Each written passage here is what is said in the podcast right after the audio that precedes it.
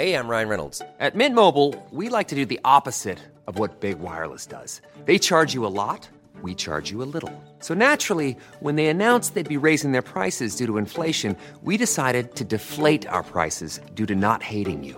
That's right. We're cutting the price of Mint Unlimited from $30 a month to just $15 a month. Give it a try at mintmobile.com slash switch. $45 upfront for three months plus taxes and fees. Promo rate for new customers for limited time. Unlimited more than 40 gigabytes per month. Slows. Full terms at mintmobile.com.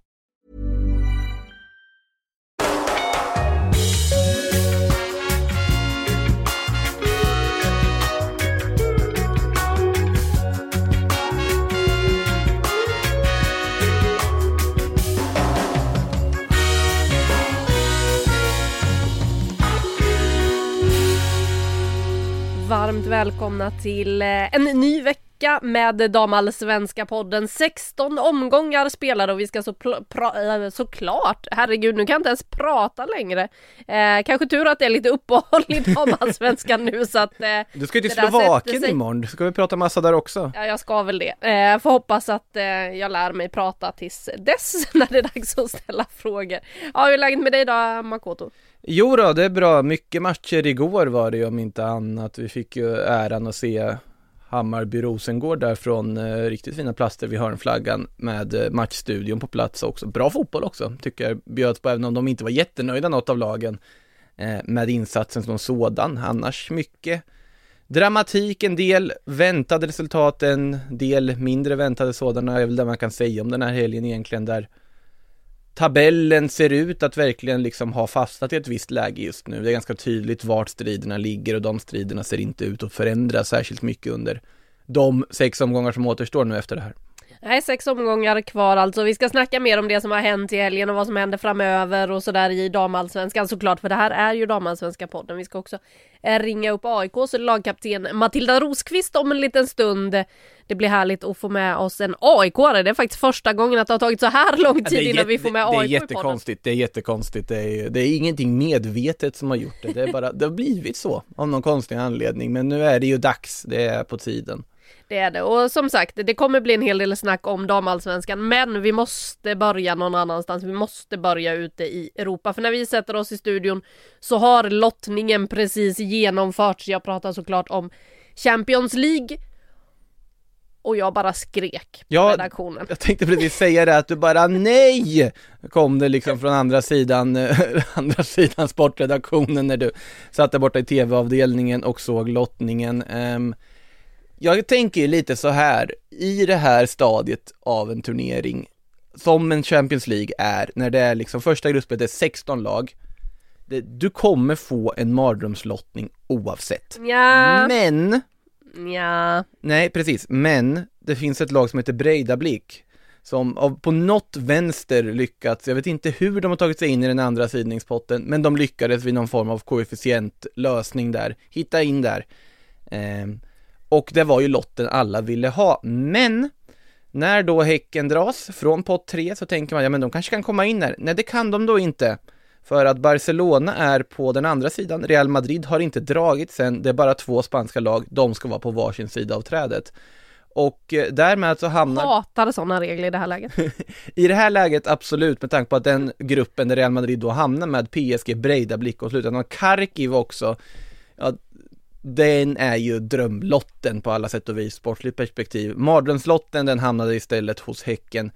Bayern München, Olympic Lyon och Benfica, tre Alltså tre klassiska klubbar, två av dem dessutom fruktansvärt bra på just damsidan. Lyon som eh, abonnerade på CL-titlar där några år innan Barcelona stoppade den dominansen. Och ett Bayern München som ja, värvade in Sofia Jakobsson den här eh, sommaren bara för att ge ett exempel och ser riktigt bra ut de också. En eh, titelkandidat i allra högsta grad. Så att, Ja, nej, jag är fortfarande i chock. ja men det är också, vad, förvänt, vad förväntar du dig? Men lite- jag hoppades på min grupp, den grupp jag hade skrivit i förväg som drömgrupp, den innehöll ju Paris och Breidablik och så kommer de och så ser man dem och tänker Häcken kan hamna där för då finns det ju helt plötsligt en sportslig möjlighet att Ah. ta sig vidare, att eh, få uppleva kvartsfinalerna, inte, att det inte ska behöva ta slut där i mitten på december som ju är sista speldatum för eh, Champions League-gruppspelet. Eh, det är klart att det är inte säkert att det tar slut i mitten på december, men det krävs ju mirakel för att inte Häckens Champions League-resa ska ta slut. Först och främst så måste de ju se till att lösa så att spelarna med utgående kontrakt som Stina Blackstenius, Emma Kullberg fortsätter över i alla fall gruppspelet. Ja. Att eh, Julia Sigiotti är väl också en av dem som har kontrakt som går ut när den här säsongen tar slut i Sverige. Det innebär ju att några av matcherna, jag tror väl det är tre matcher som eh, de inte har kontrakt över just nu av de här sex gruppspelsmatcherna, något som vår kollega Petra Thorén har skrivit om, Petra som ju var med i förra veckans podd och eh, det är ju nyckelspelare för Häcken. Alltså har man en Stina Blackstenius som är sådär spetsig som vi såg henne i OS och som vi har sett henne i damallsvenskan kanske framförallt under våren och som också ser Champions League som en möjlighet att verkligen visa upp sig för de allra största klubbarna igen. Mm. Ja, då kan de göra mål på de här lagen. Ja, men kan Absolut. de hålla tätt mot de här lagen? Det, Alltså, det- blir det mycket, mycket tuffare. Absolut, men eh, man har en Emma Kullberg som Häcken också ska vara glada om de får behålla. Mm. Eh, man har en Jennifer Falk som i så fall måste visa varför hon har växt fram till det andra valet som hon ändå har blivit för Peter Gerhardsson i landslaget. Ja. Eh, och visa upp all den briljansen som vi kanske såg mer av förra året än vad man har sett av den här säsongen. Det har varit lite tveksammare ingripande vid några tillfällen. Det har varit lite skadekänningar som har ställt till. Hon har ju dessutom fått vila några matcher bara för att man vill få in Luz Skörts den här säsongen. I fjol så var det ju Jennifer Falks show all over från start till mål och eh, hon levererade ju verkligen en stor bidragande orsak att till att Kopparbergs Göteborg som det då var i fjol faktiskt vann det där SM-guldet.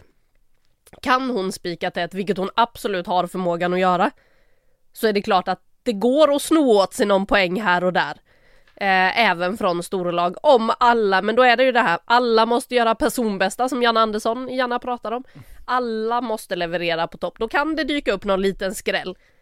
Men, och den hade ju varit väldigt mycket lättare mot typ Paris Breidablik och där har vi då eh, Real Madrid med Kosovare Asllani som nu helt plötsligt, alltså de fick City i eh, lottningen inför det värsta här. de kunde fått. Ja. Och då så kände man ju att okej, nej men det är klart att de inte går till gruppspelet, går till gruppspelet. Nu hamnar man liksom i en grupp med PSG, Breidablik och Charkiv från eh, Ukraina. Mm, det skulle faktiskt kunna gå att ta sig vidare från den gruppen för Real Madrid och Alltså det det är vore väl ju... misslyckande om de inte gör det. Ja, lite så. Jag har inte sett Breidablik så mycket men eh, det är också roligt att Kosovare Asllani alltid ställs mot sina gamla klubbar. Ja, du tänkte inte på Breidablik nu? Eh, tänker inte på var- inte på Charkiv, Vad- utan PSG såklart. Ja. ja, såklart. Det är ju... Hennes förflutna i city, ja de har de redan klarat av även om Mm. hon bara fick några minuter. Hon är ju på väg tillbaka från det här eh, positiva coronatestet som eh, hon ju gjorde som Mm. gjorde att hon missade den första matchen men ändå då kunde spela några minuter i den andra och hon erkände ju faktiskt själv när vår reporter Fredrik Andersson eh, ringde upp där efter matchen att ja nej jag hade nog inte så många mer minuter i mig men det var kul att få vara med liksom och bidra det lilla jag kunde. Nu blev hon ju inbytt i Madrid-derbyt i helgen i halvtid så hon fick ändå en halvlek vilket känns positivt nu när Sverige ska in i VM-kvalet och Asllani ju är en central del i det här svenska lagbygget så att det känns ju bra men eh, ja, eh, Asllani kan absolut vara nöjd med den här lottningen. Ilestedt också i PSG. Vi har ju liksom svenskar överallt. Eh, väldigt många då i grupp D där vi har Bayern München med Hanna Glas och Sofia Jakobsson som du var inne på. Lyon med Emma Holmgren. Inte omöjligt att de faktiskt kanske testar Emma Holmgren mellan stolparna i någon av matcherna. Ja, snarare mot frågan är om man ser Benfica eller Häcken som det svagaste kortet i den här gruppen. Alltså Benfica, ja det, det är ju en klassisk klubb såklart, portugisisk fotboll inte riktigt är så pass långt kommen på damsidan ännu, men samtidigt, ja, de hade ju inte en chans mot Chelsea när de ställdes mot dem i Champions League förra året, men det är fortfarande ett lag som kan hota, det är inte ett lag som Häcken liksom avfärdar ganska lätt. Så att, eh, Nej men och eh, apropå Emma Holmgren där så kan man ju också kanske så från eh, Lyons sida då resonera att ja men Häcken det är ju ett lag hon kan, ett lag hon känner, hon vet allt om spelarna i Häcken, hon har redan mött dem i eh, damallsvenskan under säsongen. Hon har bra koll på dem så man kanske vågar testa henne. Sen ska man ju veta också att Lyon eh, har en världsmålvakt i Christian Endler, den chilenska landslagsmålvakten som de prestigevärvade från PSG som ju då fick värva in Stefanilla B från Rosengård. Ja, man landar alltid i damallsvenskan hur man än tänker, det tycker jag är lite härligt. Eh, det var den gruppen. Men det ska, det ska ju sägas här att man kan göra jämförelser liksom eftersom vi har svensk på herrsidan i Champions League också. Malmö ska ju till liksom mirakel av, eh, alltså bibliska mått för att de ska kunna ta sig vidare förbi Juventus eller Chelsea. Häcken är lite mer intressant att se hur bra de faktiskt mäter sig med de här lagen. Absolut. Vi såg ju Bayern München mot Rosengård i fjol eh, i kvartsfinalen där Rosengård stod upp helt okej okay, men man ser ju också att där minsta lilla misstag så blir man straffade direkt. Det var såklart Bayern München som ägde de där kvartsfinalerna om man ser till matchbilder och sådär. Men Rosengård kunde störa, kunde skapa en del chanser.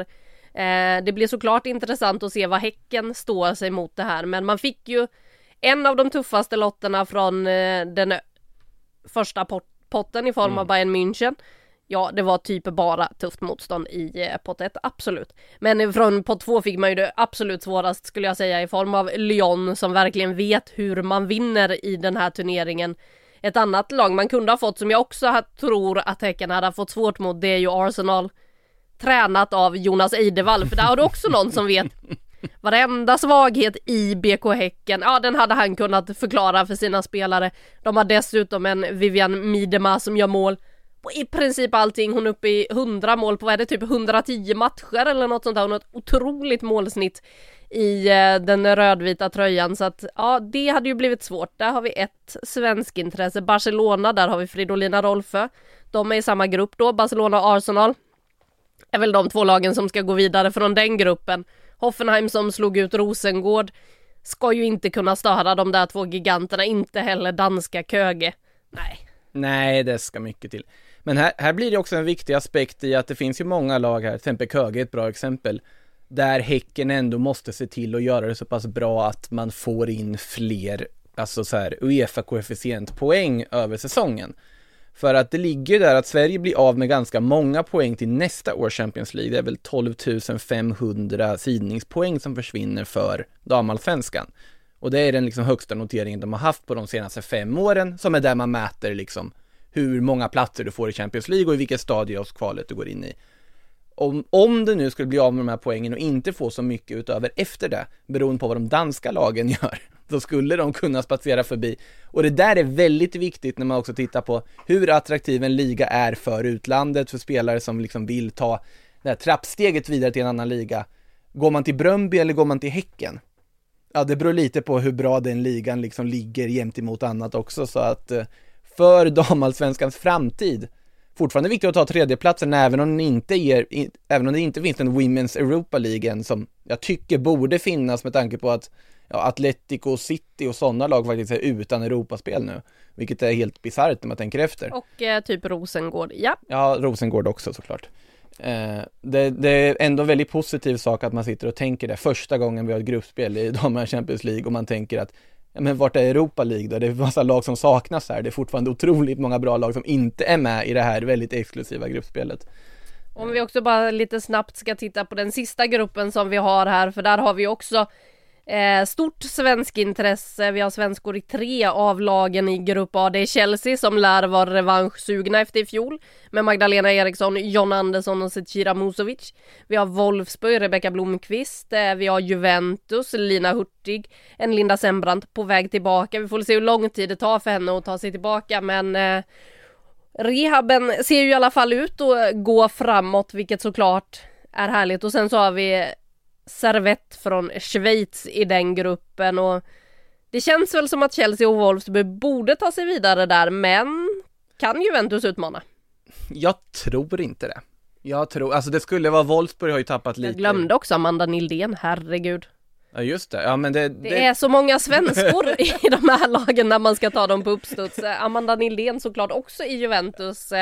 Som vi har sett i eh, damallsvenskan och Eskilstuna under våren. Skulle inte förvåna mig om man värvat tre stycken till som man har glömt bort här bara på liksom rak arm. Nej men eh, jag tror att Juventus ska vara ett steg bakom. Jag ser inte riktigt att italienska ligan har hunnit ikapp och det här är ju ganska tydligt tycker jag att det ändå finns två skikt här. För man tittar på lag som Juventus, Hoffenheim, Häcken, om vi tar då tredje potten. Nu har ju Real Madrid tur att de fick Breidablik-lotten som var liksom drömmen för alla. Men alla de tre lagen är väldigt bra fotbollslag. Men de är ett snäpp, eller två snäpp till och med bakom de från första, andra potten, de här riktigt stora lagen. Så, så är det.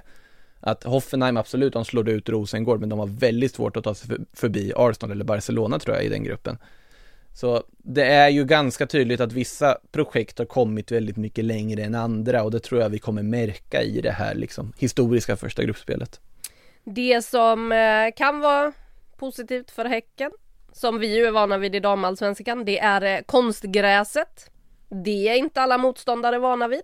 Det är en väldigt vanlig aspekt man tar upp när det kommer till liksom svenska representanter i Europa och naturligtvis spelar det in även här. Så är det ju och eh, en sak som jag också hoppar i, hoppas i och med det här nu när det kommer två storlag till Göteborg så hoppas jag också att publiken passar på att gå dit och se till att se de här matcherna för det kommer bli fotboll i världsklass när lag som Bayern München och Olympic Lyon kommer och möter BK Häcken så jag hoppas att alla som har möjlighet liksom tar chansen och går dit och ser de här spelarna på riktigt för det är något helt annat än att se det på TV. Det känns det fel om det inte är lapp på luckan bredvid skulle jag säga.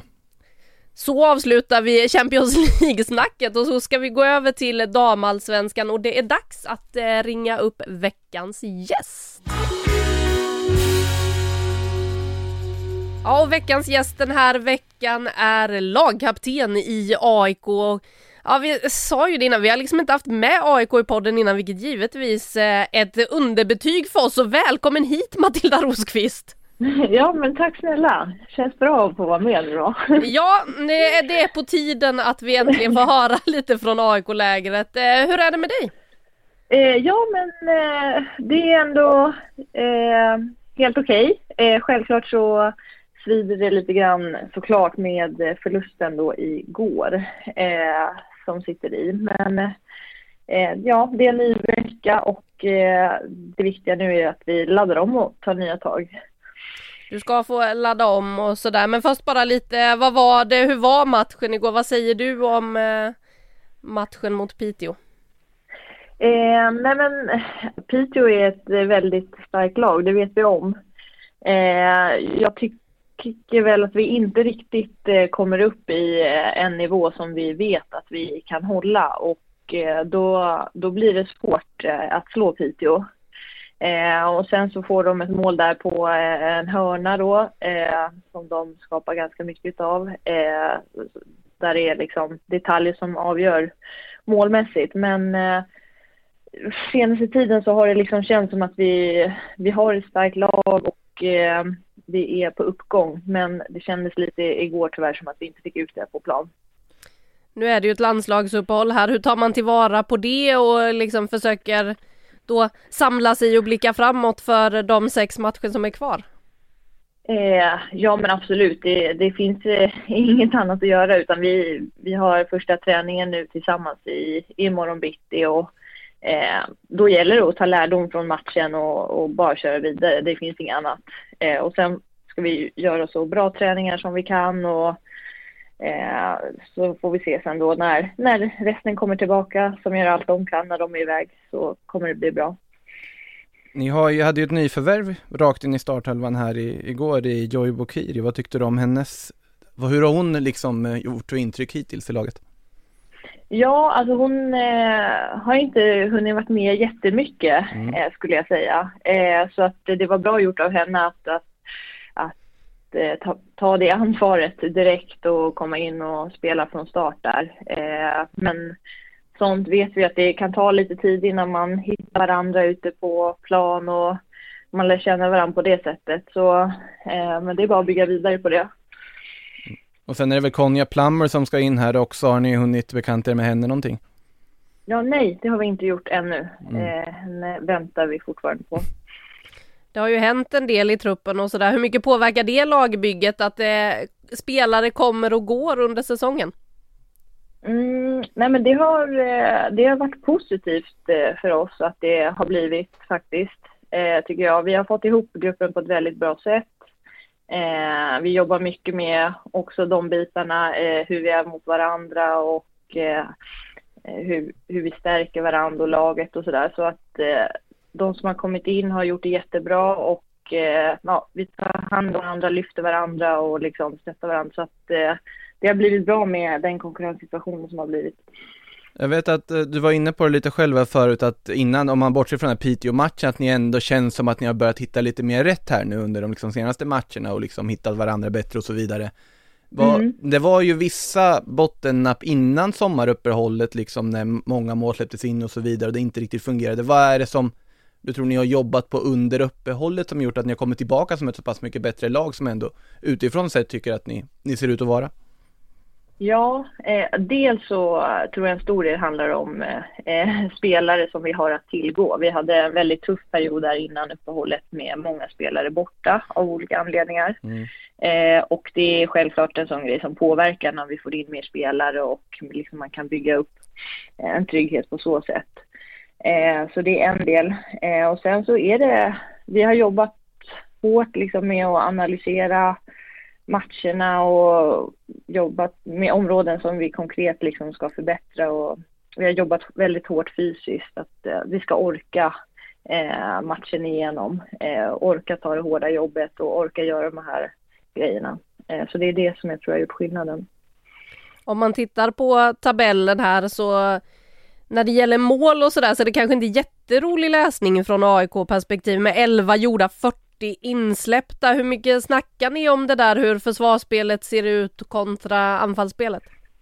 Eh, ja, nej men just de där siffrorna pratar vi faktiskt inte alls om eh, så. Eh, vi jobbar däremot, eh, pratar väldigt mycket om hur vi med defensiven, hur vi ska liksom vara kompakta och organiserade och jobba hårt för varandra där. Eh, för det är liksom grunden att defensiva sitter. Eh, samtidigt som vi vet att vi behöver få till eh, farliga målchanser och eh, vara effektiva på dem. Eh, så det är en uppdelning där under veckan för att få in båda delarna.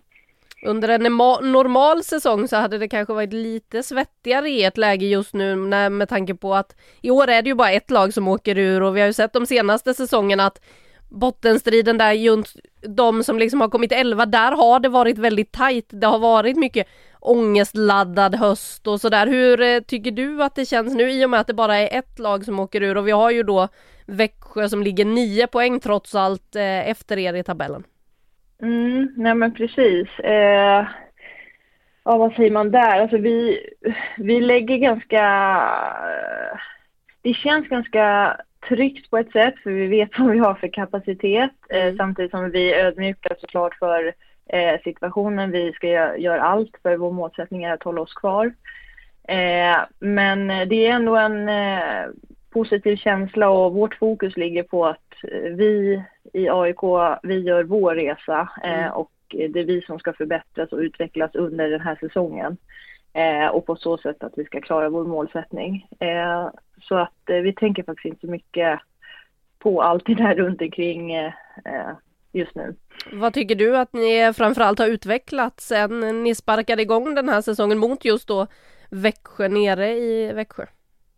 Eh, nej men jag tycker att vi, eh, fysiken skulle jag säga, mm. eh, vi är en stor del. jag tycker att vi har utvecklats, att vi har hittat en liksom, trygghet och eh, vi är organiserade på ett sätt, vi vet vad vi förväntar oss av varandra och hittat en liksom, eh, idé och, vad, som vi liksom spelar efter och vi jobbar mycket utifrån också vad är vår eh, identitet och det är det vi ska få ut här på plan. Eh, så jag tycker att vi generellt sett har blivit stabilare eh, och tryggare som lag och starkare på så sätt. En sak man också kan notera om man bara tittar liksom eh, i hur det har sett ut under säsongen och tittar i spelschemat och så kan man ju notera att eh, av era tre segrar så har två av dem kommit i Stockholmsderbyn mot Djurgården. Det måste väl ändå mm. kännas mm. ganska bra eller? Ja, det kan man säga. Det känns ju riktigt bra. Hur mycket betyder det... de där derbymatcherna för er som spelare? nej, de betyder jättemycket. Det är ju de matcherna som man liksom vill spela. Eh, det är väldigt eh, häftigt allting liksom. Hela den känslan inför derby, publiken, när de får vara där och bara känna all uppståndelse runt omkring också. Eh, man vill vara bäst i stan och eh, ja, det är ju de matcherna man vill spela helt enkelt och vinna. Det väntar ju förhoppningsvis ett häftigt derby för er eh, den 10 oktober borta mot Hammarby när ni ska in på Tele2 Arena och eh, Hammarby hoppas på att publikrekordet eh, ska slås. Eh, vad tänker du dig liksom om du tänker på att få spela en sån match, att få kliva in på en arena där det i så fall då helst ska vara upp mot 10 000. Nuvarande rekord ligger väl runt 9 800 eller något sånt där. Ja, fantastiskt. Eh, det är ju eh, drömmen skulle jag säga. Det är det man tränar och sliter för varje dag, att spela en sån match. Eh, så att eh, det, det är det man, ja, det man längtar efter och det man ser fram emot och eh, publiken har ju också eh, såna, varit saknad kan man säga. om man ser tillbaka nu de senaste månaderna. Så att det gör ju så att det blir extra roligt att kunna ha publik. Även om det är 10 000 grönvita supportrar? Ja, jag tänker att vi får se till att det inte är det. Eller hur? Vi får hjälpas åt så att vi, vi har supportrar där som stöttar oss. Ja, ni får ju liksom eh, se till att få dit era supportrar så att det blir en kamp på läktaren också ja. ordentligt. Det här är ju bara några veckor efter att restriktionerna har släppts, så det borde ju finnas ett ordentligt sug för många att få gå och uppleva något sånt här. Ja, absolut. Det hoppas vi på, verkligen verkligen. Vad kan ni eh. göra då för att eh, få dit era fans tror du? Eh, nej men att eh, liksom fortsätta. Vi får jättefint stöd av våra fans. Eh, otroligt fint stöd som vi har känt eh, även när de inte har kunnat vara fysiskt på plats. Eh, så att eh, det är bara att uppmuntra alla att komma och eh, vi behöver verkligen det stödet. Eh, så ska vi göra allt för att vinna den här matchen. Och eh, då att ni är bäst, på äh, bäst i stan även på läktaren, inte bara på planen som ni, ni just som spelare vill visa. Ja, exakt så. Exakt så. Det är på flera plan. Härligt. Du, det är sex omgångar kvar. Vad ser du eh, framför dig resten av den här hösten, de matcherna som återstår? Eh, nej, men jag ser framför mig eh, roliga, tuffa matcher, eh, tuffa fighter. Jag ser framför mig att vi kommer eh, fortsätta utvecklas som lag eh, och eh, ja, att vi kommer ta poäng och vi kommer klara vår målsättning. Det ser jag framför mig. Och er målsättning är det att hänga kvar i allsvenskan eller vad är målsättningen? Mm, absolut, absolut. Det är prio ett. Eh, är det. Och, eh, men jag tänker att vi ska fokusera på prestationen där ute på plan eh, och sen kommer resultatet eh, komma därefter, det är jag helt säker på. Matilda, tack så hemskt mycket för att du hade några minuter och var med oss här i Damallsvenskan podden. Ja, tack själva. tack själva. Tack och stort lycka till i höst. Ja, tack så mycket. Ja, Matilda Rosk... Matilda Rosqvist, lagkapten i AIK med oss där alltså och eh, den där matchen den 10 oktober den eh, kan bli riktigt härlig för Hammarby från sitt håll vill ju visa att eh, de är så pass mycket bättre på planen som tabellen visar och också då sätta det här publikrekordet. Det var ju ändå sportchef Johan Lager tydlig med igår när vi hade vår studio på plats på Hammarby IP att eh, publikrekordet på 9800 någonting som Linköping innehar just nu, det ska ryka. Det vill man ha på Söder. Ja, alltså om de inte lyckas med det så är jag faktiskt lite förvånad sett till hur mycket de ändå lyckas samla folket kring det här laget. De har ju ett bortafölje på sina matcher och bara det är ju enormt. Sen, sen är i och för sig Hammarby ett lag som har supportrar även på andra delar av landet än i Stockholm. Men likväl, de har bortaföljen. Det är få lag som har i den här serien och jag tror att de kommer Hej, jag Ryan Reynolds. På Mint Mobile, we like to do the opposite of what Big Wireless does. They charge you a lot, we charge you a little. So naturally, when they announced they'd be raising their prices due to inflation, we decided to deflate our prices due to not hating you. That's right. We're cutting the price of Mint Unlimited from $30 a month to just $15 a month. Give it a try at mintmobile.com slash switch. $45 upfront for three months plus taxes and fees. Promo rate for new customers for limited time. Unlimited more than 40 gigabytes per month. Slows. Full terms at mintmobile.com. lyckas slå det där rekordet också. Ja, och om vi då hänger kvar lite i eh, Hammarby så kan vi väl eh, ta den där matchen eh, som vi var på plats på igår med, mellan Hammarby och Rosengård där man inför ändå kände att Hammarby faktiskt kan störa det här Rosengård lite. Man har sett att Rosengård har straffats när de har slarvat i sitt försvarsspel i Europakvalet när man kvalade till Champions League mot Hoffenheim. Det kändes som att det kanske kunde finnas någon form av liten oro där att det finns offensiva kvaliteter i Hammarby som kan utnyttja det där darret när man dessutom ser att eh, René Sleges för att få in alla spelare hon vill ha på planen sätter ner Sanne Trölsgård som högerback för att då kunna få in en sån som Loreta Kulashi upp i anfallet. Ja då känner man ju också lite sådär att mm, här kanske faktiskt Hammarby kan hitta igenom. Ja, Rosengård stängde igen totalt. Ja, Sanne Trölsgård kan nog fortsätta spela högerback. Nej men, det är ju också hon som gör mål dessutom fast hon är högerback. Eh, enorm form hon har kommit tillbaka med efter uppehållet ska sägas.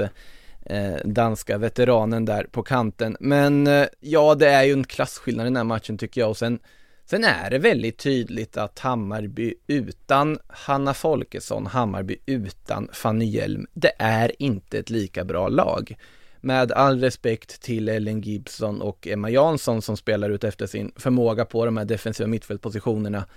Så det håller inte riktigt samma nivå och det är de två som jag nämnde tidigare, de är så pass viktiga ändå. Också med tanke på liksom återerövringsfasen, Hammarby hade ju väldigt stora problem med det i första halvlek att vinna bollen i rätt läge och vara bestämda då. Att liksom bara sätta igång, vara raka, gå mot mål när man vinner bollen högt upp i banan. Man lyckades inte riktigt göra det överhuvudtaget och då skapar man inte heller några målchanser. Man störde inte Rosengård försvaret på något sätt. Och sen var det ju bakåt. Jag tycker ändå det här försvaret är ett bra försvar att bygga på där de har.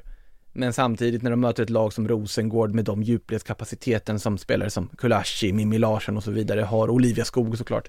Ja, då är det svårt att försvara sig mot. Anna Tamminen gör en strålande match tycker jag till en början, de räddar det.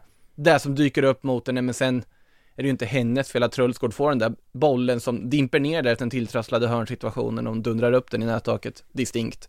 På det sättet han inte vara distinkta. Nej och sen så är det väl så att ska man lyckas eh, straffa Rosengård då gäller det ju också att även om Tamminen kanske gör eh, en bra match här så gör hon ju inga sådana monsterräddningar, alltså man skulle ju behöva en eller två sådana, lite likt man kanske såg Guro Petersen när eh, Piteå mötte eh, Rosengård nere i Malmö och hon gjorde några sådana riktigt svettiga räddningar. Den typen av räddningar behöver man ju också nästan ha med sig lite i en sån match. Sen så var det ju så att i första halvlek Rosengård skapade otroligt mycket chanser men fick inte till det förutom den där tilltrasslade hörnsituationen så att eh, Rosengård var ju också lite frustrerade över att eh, de inte lyckades få in bollen med hjälp av sin anfallare där. Men som Sanne Trölsgård eh, glatt var inne på att ja nej men då får jag ju hjälpa till där också, så hon hjälper till överallt Det hade hon nog ingenting emot att gå fram och göra mål när hon blev nedflyttad som högerback. Man bara såg den otroliga glädjen när hon eh, skriker ut eh, all sin glädje efter att ha dunkat upp den i nättaket och Katarina Weje typ sitter uppe på axlarna nästan så högt som hon hoppar upp för att fira lands med landsmaninnan där. Så att det målet betyder nog väldigt mycket också med tanke på hur det såg ut mot AIK där i matchen mellan Hoffenheim-mötena. Att man liksom inte heller där fick hål på AIK så himla tidigt som man kanske hade väntat sig. Jag tror att Rosengård hade väntat sig att kunna göra mål tidigare, framförallt i och med att de vann med 7-0 mot AIK uppe i Stockholm. Så tror jag att de hade väntat sig en lättare resa där, att det kommer lite frustration och sådär när man inte får hål och när det då dessutom börjar så borta mot Hammarby som man vet en tuff bortamatch, man vet vilka kvaliteter som finns framåt i det här Hammarby, att det finns matchvinnare som typ Madeleine Janogy som skulle kunna avgöra på egen hand, men då krävs det ju att de här sitter så att det där målet från Sanne Trölsgård var nog väldigt, väldigt förlösande bara för att kunna sänka axlarna lite och känna att okej, okay, vi kan det här. Vi ska ha med oss de tre poängen hem härifrån också. Vi ska fortsatt vara obesegrade och det är ju imponerande att eh, 16 omgångar in ännu inte har förlorat. Nej men det är väl det mest imponerande med alltså båda guldaspiranterna i de här två senaste omgångarna är ju hur de ändå har lyckats plocka med sig rutinmässiga trepoängare fast de inte imponerat. Rosengård hade problem att luckra, luckra upp AIK-försvaret, lyckas ändå få med sig en 3-0-seger. De var inte jättevassa framför mål och allting funkade inte helt perfekt mot Hammarby. De får ändå med sig en 2-1-seger. Samtidigt Häcken har jätteproblem att göra mål på Piteå, lyckas ändå vinna till slut. Har jätteproblem att göra mål mot KIF Örebro, lyckas ändå till slut. Och båda lagen fortsätter att storma fram mot den här seriefinalen som kommer i oktober som ju fortfarande, det, det blir ju den helt avgörande matchen på något sätt. Ja, nu måste ju Rosengård tappa ytterligare någon poäng för att eh, de ska tappa guldet. Men samtidigt, de lagen, även när det inte funkar så vinner de fotbollsmatcher och det är ju det som gör att de är ett ganska många hack för alla andra i den här serien just nu. Så är det ju och eh, det är ju kul att se de då två kanske ofrivilliga högerbackarna göra mål. Sanne Trölsgård i Rosengård och så Elin Rubensson i Häcken som ju dessutom inkallad i landslaget igen. Som högerback. Ska göra comeback eh, och har då fått en plats bland försvararna. Eh, det blir ju kul att se. De befinner sig väl eh, i Slovakien nu skulle jag säga. Jag tänker mig att de borde ha landat eh, i Bratislava och håller på att checka in eller något sånt där om resan har gått som den ska hela vägen dit. Eh, det är ju så att eh, det är landslagssamling nu och VM-kval som väntar mot först då Slovakien på bortaplan och sen Georgien eh, på hemmaplan i Göteborg i nästa vecka. Så därav att det inte är några matcher i den här ligan. Men det var ju liksom toppstriden. Den pratar mm. vi väldigt ofta om, väldigt mycket om. Vi pratar också ofta om den striden som kanske är den som känns hetast, där det kan hända mest och det är ju den om den där tredje platsen som innebär Champions League-kval, där efter matchen på kanalplan så var det ju fortfarande bara spelat en halvlek mellan Eskilstuna och Växjö. Och då, jag har sällan sett någon så förvånad som Hammarbys Emilia Larsson när jag sa till henne vad det stod i den matchen i halvtid. Eh, och sa att ja, som det ser ut just nu så har ni ju fakt faktiskt fått högst oväntad hjälp av Växjö som leder mot Eskilstuna med 1-0 och ja, hon höjde på ögonbrynen rejält Emilia Larsson. Nu stod ju inte det sig. Men eh, utan Eskilstuna på tre minuter vänder den matchen och vinner ännu ett styrkebesked såklart av Eskilstuna men Växjö gör mål!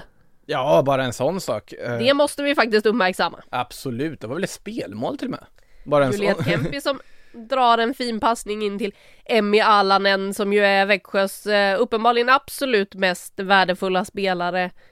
Kapten, målgörare. Ja, hon har gjort tre av de här fyra målen som Klar Växjö. för Rosengård nästa säsong. Det brukar ju se ut så för dem så. som gör det bra i Växjö. Nej, men eh, såklart det säger också en del att det är Emmy Allanen som gör alla mål och det säger det det säger är ju också att, inget ont om Emmy Allanen, men det är ju anfallarna som måste göra mål. Nu har man fått in, alltså kvalitetshöjning där i Adelina Engman och Juliet Kempi, absolut. Men det är fortfarande för uddlöst, de kommer inte till riktigt Alltså även om de skapar chanser så skapar de inte de här riktigt högoktaniga chanserna, de här chanserna som inte går att missa. Problemet är att Växjö har lyckats missa även de chanser som inte går att missa. Och det är därför de har gjort Det är en talang i sig. Fyra mål på 16 matcher nu, varav ett i den senaste matchen då.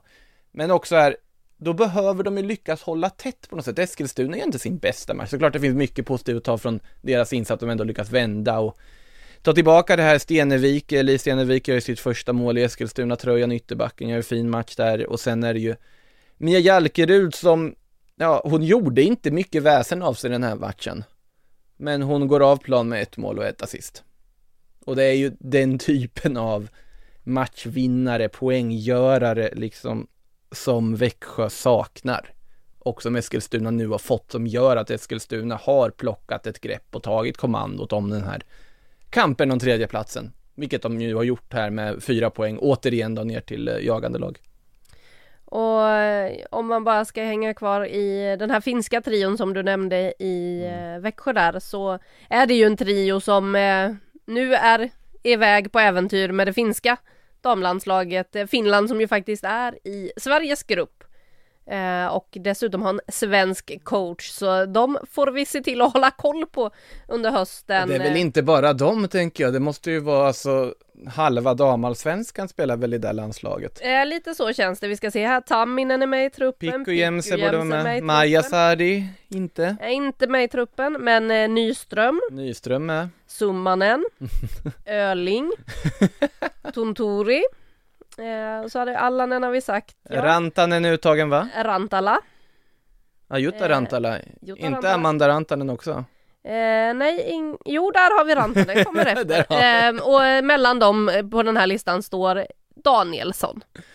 Ja, det är... Eh, Ja, Vilma Koivisto. Det finns många namn i den här truppen som, eh, hela truppen nästan. ja, vi kan säga att de kommer ha koll på Sverige när de ska möta. Det lär de ha. Det lär de ha. Uh, nej men det, ja det är ju de som ska göra det för Växjö i alla fall om de nu ska göra någon sorts mirakulös eh, upphämtning. Men nu, det är ju mörkt nu, det kommer, det ska ju till någonting alldeles, alldeles, alldeles, alldeles extraordinärt och jag vill nästan säga att det är större chans att BK Häcken tar sig förbi Bayern München och Lyon än att Växjö klarar det damallsvenska kontraktet. Jag tror att också när man väl lyckas göra mål, då måste du få ut någon poäng av det också. Och det fick de ju inte här nu mot Eskilstuna. Nej, det är ju ett problem med flera av målen Växjö har gjort. Att de har gjort i förlustmatcher. Ja, och att dessutom att de har ju faktiskt inte vunnit en fotbollsmatch i den här serien under den här säsongen, vilket i sig är anmärkningsvärt. Och det konstiga här är att, ja, alltså jag kan förstå att de ligger sist. Jag tror till och med jag tippade dem sist inför säsongen. Ja, jag var positiv. Ja, men du är, du har, du är från Växjö också.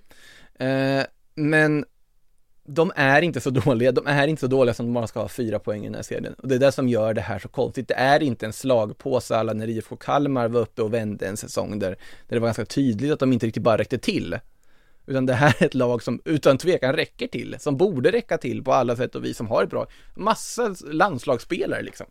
Men de får inte till det och det är ju ett mysterium som sagt. Och vi var inne på det att eh, spökjägarna behövs i ett Visma Arena för att någonting är det som spökar och någonting är det som är konstigt. Och det kan vi, även om de lyckas göra mål kan vi fortfarande konstatera det. Ja, kanske är det så att det ändå håller på att luckras upp där. Vi får väl se då eftersom Växjö lyckades göra mål och herrlaget som spelar på samma arena som dessutom då spelade på den arenan faktiskt vann mot eh, serieledarna i Superettan och gjorde två mål. Så kanske är vändningen för Växjö på gång. Vi får väl se. Ja, du stod där vid studion när vi inte var framför kameran och sa, men vad i tre gånger under Ja, det- gårda- gårdagen och båda gånger hade du, alla gånger har jag gjort mål av ett Växjölag. Det är chockerande nyheter detta år eh, att sånt sker. Eh, Men eh, om vi håller oss kvar då vid Champions League-platsen där alltså Eskilstuna vinner mot det här Växjö efter vändningen på tre minuter. Så har vi också matchen mellan Kristianstad och Linköping som ju alla vill blanda sig i det här bakom Eskilstuna som ju ändå har kopplat ett litet grepp om eh, den där tredjeplatsen med sina 28 poäng. Men den där matchen med lagen som båda låg på 21 poäng så är det Kristianstad som går vinnande ur den och vilket mål av Sveindis Jane Jonsdottir. Och vad efterlängtat det var för henne. Hon har ändå gått, eh, nu låter det som att det här är en evighet, det är det ju egentligen inte, med fem raka matcher i damallsvenskan utan mål. Och för en spelare som Sveindis Jane Jonsdottir så kallas det en måltorka, vilket ju säger en del om hennes kvaliteter. Men alltså avslutet hon tar, nu har hon ju fått gå ut, gå lite mer på en kant också i och med att de har värvat in en amerikanska här under sommarfönstret i eh, Pridham som har gått in där och mer och mer börjar det ändå se ut att ha hittat rätt med lagkamraterna och sånt där i den här centrala forwardsrollen men då Jomsdotter ute på en kant då istället och det var ju från kanten hon dök upp där, sprang och sen så bara avlossar hon första stolpen, första krysset, pang, boom, klart. Eh, och det, oj vad Kristianstad behövde det. Kan man väl lugnt konstatera i alla fall som eh, får de här tre poängen behöver för att kunna haka på den här striden. Som absolut inte är avräknade från den och som vi vet har kvaliteter nog för att verkligen ge det en match in i det sista. För det här var ändå ett lag som vi ändå tittade lite på att kanske kan de blanda sig i en absolut toppstrid den här säsongen. Det har de inte kunnat gjort för att det har inte riktigt lyft på samma sätt. Evelina Summanen har inte riktigt nått samma galna nivåer som förra säsongen. Therese i Åsland har absolut inte gjort det heller. Eh, och det är ju lite sånt som då märks helt enkelt även om man har fått in Jonsdottir som har verkligen lyft det här laget och så är det så. Måste också säga grattis till Siv Atladottir, uttagen i landslaget igen. Det är ju jättehäftigt som eh, 36-åring eh, kallad till det isländska landslaget. Har varit strålande också efter uppehållet i allmänhet. Det har hon verkligen och ytterligare alltså en som eh, har fullt upp under det här landslagsuppehållet. Det är ju inget så. uppehåll. Nej, för många spelare i damallsvenskan så är ju det här eh, snarare en eh, resa med sina landslag som ska ut på VM-kval och hoppas att eh, resan som de börjar nu slutar någonstans i Nya Zeeland, Australien, där ju VM avgörs eh, 2023. Det är det man börjar kvala till nu. Nästa sommars EM, det är ju redan färdigkvalat till sedan länge eftersom det skulle ju ha spelats den här sommaren. Ja, just det. Det var tanken från början, sen kom corona och allt det där vet vi ju så att eh, ja, det är ju ett helt nytt mästerskap att kvala till här som eh, börjar nu under det här uppehållet. Och grunden att det flyttades var väl för att herrarnas EM flyttades. Exakt Men nu sitter jag och tänker att om det inte hade flyttats, hade man spelat ett OS och ett EM på samma Det hade år? varit väldigt, väldigt svettigt kan jag känna spontant. Eh, Det hade också varit svårt att få ihop den här damallsvenskan om vi skulle klämma in både ett EM-uppehåll och ett OS-uppehåll. Hur hade man gjort då? Det är där jag sitter och så undrar lite. Ja, det, kan, det kanske fanns logik att flytta det här EMet ändå trots allt, för jag vet att det var många som reagerade på det just, men varför flyttar man damernas mästerskap bara för att herrarnas gör det? Jo, det kanske var en anledning att det finns ett OS också att ha i, ha i åtanke, det blivit riktigt stökigt annars. Det hade det, sen valde man ju att flytta det här direkt när många fortfarande trodde att OS i Tokyo 2020 skulle kunna genomföras 2020. Det var ju Ja, där är i i början sig på också. pandemin. Så är det i och för sig också. Där- Med facit i hand. Med facit i hand så känns det väldigt bra att det är flyttat till nästa år och att vi har eh, medaljchanser att eh, drömma om om inte allt för lång framtid. Eh, att man inte behöver ha kvar det här OS-såret allt för länge utan att det finns nya möjligheter.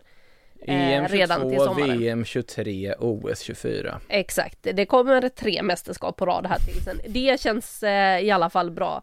Um, och när vi Ja, det är ju den här tredjeplatsen man hänger upp ganska mycket på nu eftersom det känns som den mest levande striden, även om Häcken fortfarande vill jaga Rosengård i guldjakten så är det ju betydligt fler lag som är och slåss om den här tredjeplatsen. Och Vittsjö hade ju faktiskt chansen att på riktigt haka på i den striden när man möter Djurgården borta men tar inte riktigt den chansen trots att man tar ledningen så kommer Djurgården tillbaka Djurgården lyckas dessutom ta ledningen och sen så får ju Vittsjö ett mål, får man nästan säga. Ja, alltså man ska hylla Klara Markstedt för hur påpasslig hon är i situationen. men Det är så- ingen som har ett sånt målsinne och Nej, liksom så- så aldrig uppfattar det. lägger av. Nej, som uppfattar som situationen, Mark- går in i situationen och utnyttjar fullkomligt kommunikationshaveri i Djurgårdsförsvaret. Eh, Kelsey Doherty tvivlar några sekunder för mycket och eh, försvararen är inte med på noterna och det blir liksom bara total pannkaka av det. Sen på något sätt 2-2 slutresultat här, det var ju ganska passande för en väldigt frejdig, liksom anfallsrik matchbild. Det var inte det var inte försvaren som prioriterades direkt på Stockholms stadion, om vi säger så. Det var ju full fart åt båda håll. Eh, och eh, svängig matchbild, så 2-2 kändes som ett ganska rättvist resultat tycker jag. Även om jag misstänker att dels Vittsjö gärna hade tagit, tagit tre poäng då för att haka på det. Och så tror jag att eh, Djurgårdsbacken Fanny Lång som vi har haft med i ett tidigare avsnitt här gärna hade tagit tre poäng, inte bara ett mål i födelsedagspresent. Vi kan ju passa på att säga grattis till Fanny som fyllde 25 år i lördags och firade med ett mål som väl lite då kanske var en present från Tove Almqvist som ger styrningen. Hon fick ju målet i alla fall. Ja. Bara där, för det är inte helt uppenbart när det blir en sån styrning. Eh, säger inte att Fanny Lång inte skulle ha fått målet här på sin födelsedag naturligtvis, men eh, det har ju slagits mer distinkta frisparkar än så, men det vart ju mål oavsett. Det var det och eh, nej, inte Fanny Långs vackraste frispark. Eh, det är svårt att slå det hon gjorde förra året, det får man säga. Den blir svår. Med det sagt så har vi ju faktiskt eh, pratat om alla matcher som spelades eh, den här omgången. Vilket lag tycker du att det här uppehållet passar bäst? Hmm. Det är också en väldigt bra fråga. Då tänker man ju, alltså oftast om du är uppe i ett bra momentum, då vill du ju inte ha ett uppehåll, då vill du bara fortsätta köra. Och oftast är det ju lag som har lite mer problem som behöver uppehåll för att kunna liksom samla sig, gruppera och liksom bygga vidare. Här finns ju dock aspekten också hur många spelare man har borta på landslagsuppdrag. man kan tänka sig att lag som Rosengård och Häcken som har fullt upp med Champions League-kval här nu och ganska tajt matchschema, att det passar dem med ett uppehåll.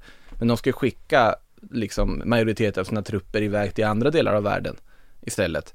Vilket inte är så mycket till uppehåll och vila på något sätt. Eh, ett lag jag tror det kan passa ganska bra är Kristianstad faktiskt. Tror jag som ändå på något sätt, ja de slår Linköping här men absolut de kan gruppera på ett annat sätt. De har lagt, alltså besvikelsen att åka ur mot Bordeaux, vilket inte är fy skam ska sägas heller, tidigt i CL-kvalet. Den har de lagt bakom sig. De har en tredje plats. De har ett väldigt tydligt mål med vart de vill komma den här säsongen. Jag tycker Eskilstuna hade ett momentum som jag tror snarare kan skadas lite av att de får det här uppehållet. Eh, jag såg bland annat att nu tror jag absolut att det kommer vara full fullt fokus från Munken på hans uppgift, det är inte det jag säger, men samtidigt dök han upp där på Himmelstalundsfältet nyligen och surrade lite med Rickard Norling inför sin nya uppdrag som väntar honom bli klubbdirektör på herrsidan i IFK Norrköping. Ehm, jag tror oavsett att ett lag som ändå hade visst momentum som Eskilstuna hade blir lite mer lidande av att ha ett sånt uppehåll som bara slängs in, kommer här.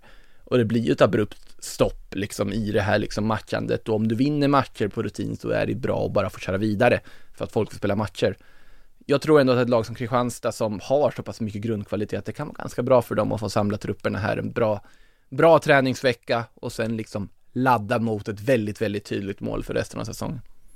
Och sen eh, så blir det ju så i och med att många av lagen skickar iväg spelare på landslagsuppehåll. Vi såg vad det gjorde med eh, Rosengård i fjol. Nu tror jag inte att de kommer gå på samma mina i år igen, för de ledde ju inför det här Har du lämnat ditt guldtips nu? Nej, jag kommer fortfarande stå fast vid att jag har tippat Häcken inför säsongen så att jag tippar Häcken fortfarande. Ja. Eh, jag medger att det kommer se väldigt svårt ut med tanke på att Häcken också ska klämma in i Champions League-kvalet, har landslagsspelare eh, som kommer vara iväg de gånger det väl blir uppehåll och så här. Så att det, det blir en oerhört tuff uppgift för Häcken att försvara sitt eh, guld. Men eh, mitt tips ligger kvar. Däremot så tror jag ju inte att Rosengård går på samma nit som man gjorde i fjol då var det ju dock så att det blev inga segrar om jag minns rätt alls i det här uppehållet eller liksom den delen av damallsvenskan som spelades mellan landslagsuppehållet i september och det i oktober. Eh, där hade man ju en väldigt tung period. Jag tror inte man kommer gå på en sån mina från Rosengårds håll igen. Man har ju jobbat mycket med det mentala inför den här säsongen och eh, försöker att inte sväva iväg, att känna att någonting är klart. Eh, och sådär, men nu sitter ju då också alla tränare hemma och tittar på de här landskamperna och håller tummarna för att deras spelare kommer tillbaka hela och fräscha. För det pratade Peter Gerhardsson också om när jag frågade honom. Han var ju ute på en damallsvensk turné här för någon vecka sedan och passade på att se så många spelare han kunde och bara njöt av att få gå runt på fotbollsarenor igen efter att eh, ha varit då på OS-äventyret i Tokyo.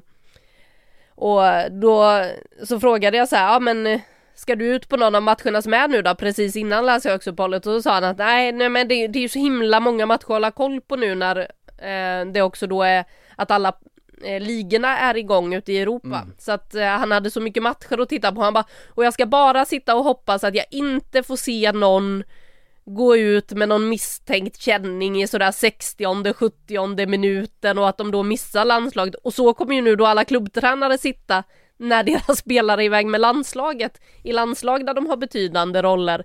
Så att eh, det är ju det som eh, lagen får hoppas nu på att det liksom inte är någon som går sönder under det här uppehållet. För i så fall kan det ju såklart bli ett väldigt kostsamt uppehåll för i princip vilket lag som helst beroende på vilka spelare som skulle kunna åka på någonting. Alltså det, det finns ju en term för det där som används väldigt ofta, men i och med hur världen har haft de senaste två åren kanske termen Fifa-viruset måste uppdateras till något annat. Men samtidigt har det ju varit så att det är ju det klassiska farhågan när spelare åker iväg på landslagsuppdrag, att de kommer tillbaka skadade. På herrsidan har de kommit tillbaka i karantänstatus från Sydamerika och allt vad det är, liksom till Premier League-brassarna och, och argentinarna och sånt.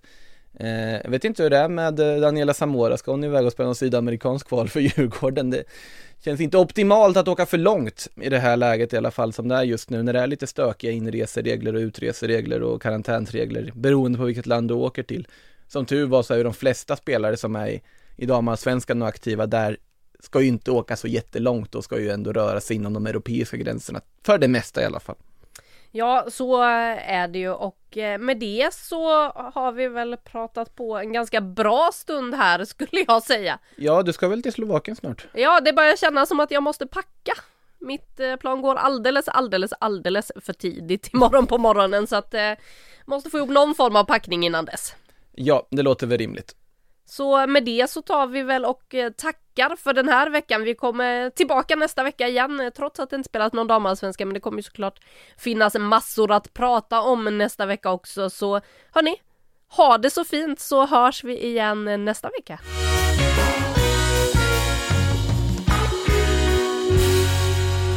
Du har lyssnat på en podcast från Aftonbladet. Ansvarig utgivare är Lena K Samuelsson.